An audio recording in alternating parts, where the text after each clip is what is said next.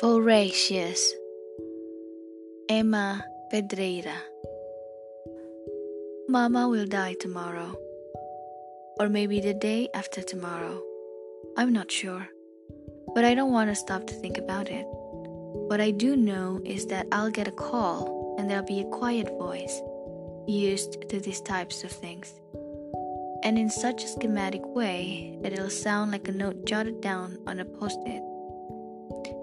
Your mother is dead. In accordance with her wishes, the burial will be tomorrow. We are very sorry. But it doesn't matter whether it's tomorrow or the day after or whenever. Everything is happening as expected. The point is that she's about to die, and I don't know how I feel about it.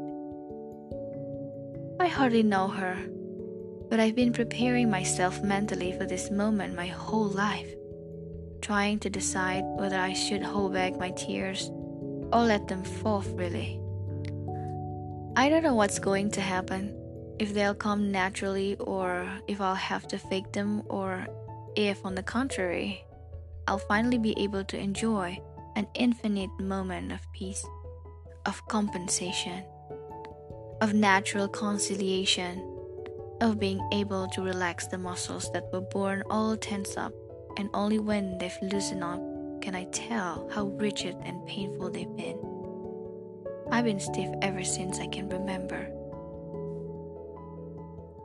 I don't know Mama. Or rather, I do know her. I know her first name, her surnames, her telephone number, her real hair color, and the biography that's on the inside flap of her books. I know her curriculum vitae, the differences between the nails on some fingers and on others, the brand of cigarettes she smokes, the yellow color of her fingertips, which gives her away and makes her feel like she's been judged about is not guilty. The world has changed, she'd say, always tending to make an excuse for it. When I started smoking, the world demanded you do it, but now they demand you stop. They get you one way or another. I know she'd talk like that. I just know it. Miss not me, miss excuse me but. What I don't know is how good she is as a mother. What the sand of her neck would be like when I was upset, or how she would mark the occasion when I started to menstruate. I don't know what look she'd have on her face if she'd seen me stoned or drunk the first time. I don't know what tone of voice she'd use when she caught me stoned or drunk coming home in the wee hours of the morning.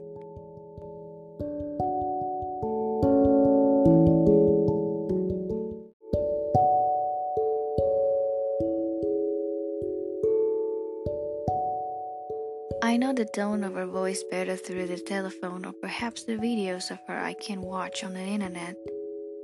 I know what she's like inside, just as well as her best literary critic could, her best reader. I am her best reader. In her books, I can see the heights of her traumas, and if I dig deeper, I can recognize my name a thousand times. I don't even know if she's the one who chose such a simple name one you can find everywhere, or if it was Papa. I suppose she did. She just said it, and Papa, who craved flesh, blood, and future, didn't care if it was a name or something else. Papa isn't going to die. Papa is going to stay with me forever, holding hands, our faces close, lots of kisses, and incomprehension. Like Siamese twins with our respective traumas and with a two for one coupon, the post traumatic family pack at the psychologist. I know how my father's going to react when he receives the news. He'll sigh. He'll shake his head to erase what he's just heard me say or what somebody else has said, if I'm not the one who told him. And he'll keep on doing whatever it is he's doing listening to one of his old albums or playing the guitar or arguing with someone by internet. In his own world, like he always is. In that world where he made a small nook for me, but where I'm still a little satellite close to him. But in the end, still a satellite. The voice will also tell me that I can come collect her personal belongings, a box of medicine that, in case they don't want it, I can donate or drop off at a recycling place. Her underwear, which I imagine has been folded up to as small as possible and organized by color groups. Her books, the few she could keep in such a small space, and supposedly some keys that would allow me to enter the biggest kingdom in the world where everything that belongs to her will be waiting for her to return to die a little more. I imagine myself opening the door to that place that I still haven't seen a small apartment. One I also imagine is crammed with books, notes, newspaper clippings, and awards for her accomplishments. I suppose I will find an envelope with my name on it, or perhaps a box. And inside the envelope, or the box, a journal, a carefully kept notebook where the individual chapters of her life are gathered, the ones I don't know about. Or maybe there won't be anything. Papa punished me once. I think that was the only time he did it. I didn't understand what wrong was, and he typically didn't know how to teach me using reprimands or physical punishment. But this time, it happened, he did.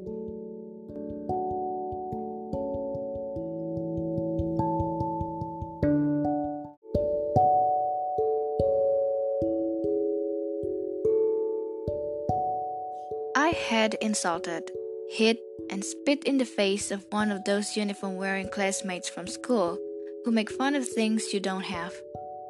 Your daddy is a man, mommy. The insult flew through the air like a dart and stuck me in the face. My angry claws closed in around her neck. Three days later, the marks were still there. The telephone call, your daughter, blah blah blah, Papa Shadow, not too tall, not too long, not too strong. Everything about him was in moderation.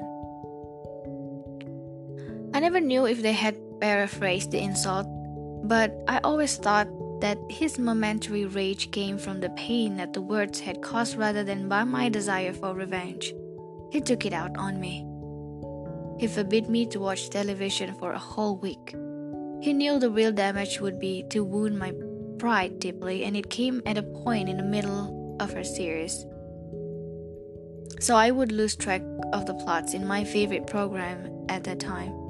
It was a really addicting program full of those types of romance that never happen in real life, the kind we'd never want for ourselves but bring pleasure to other bodies. The whole week went by, and around Wednesday, I had gotten over the withdrawal symptoms. I felt clean and calm.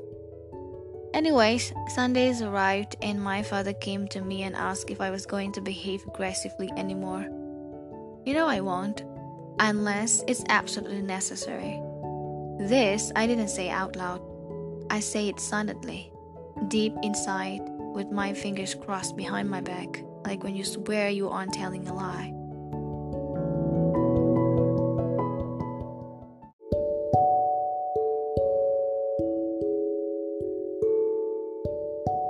Then Papa took a videotape from his jacket, and the sloppy writing of the schoolboy who fails four courses and misses the whole summer making it up were the days of the week, and next to which, a number.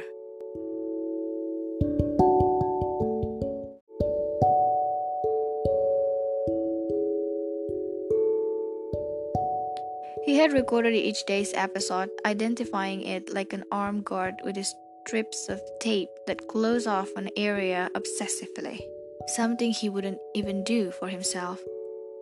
For me, love consists of these things that get jumbled together.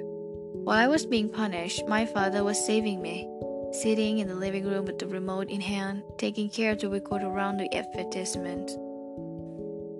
Even though I hate her, my mother probably wrote me letters that she never sent because I know there's pain in the places where she had the pulse, the place where many women put a dab of perfume.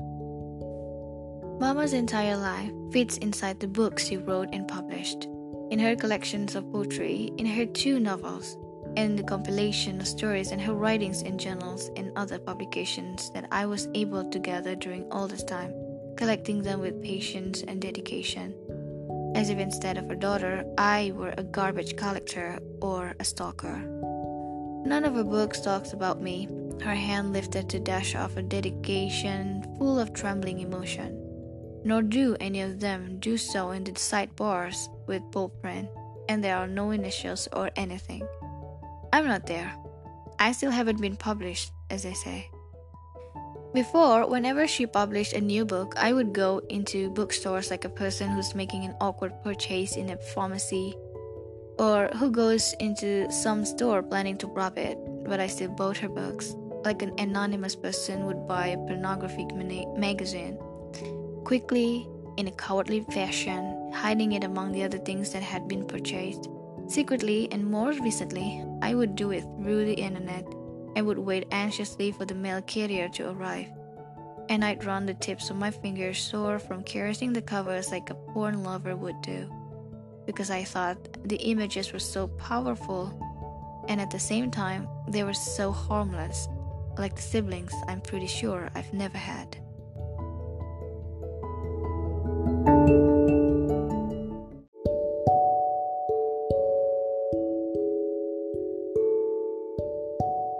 I also would always Google references to her work, reviews, something new to learn about what moment of her life it was. Since our brief meeting every semester that lasted the time it takes to drink three coffees and smoke half a pack of cigarettes wasn't long enough for me to come out of my stupor and take a good look at my emotions and adult conversation without all the prying questions and evasive answers.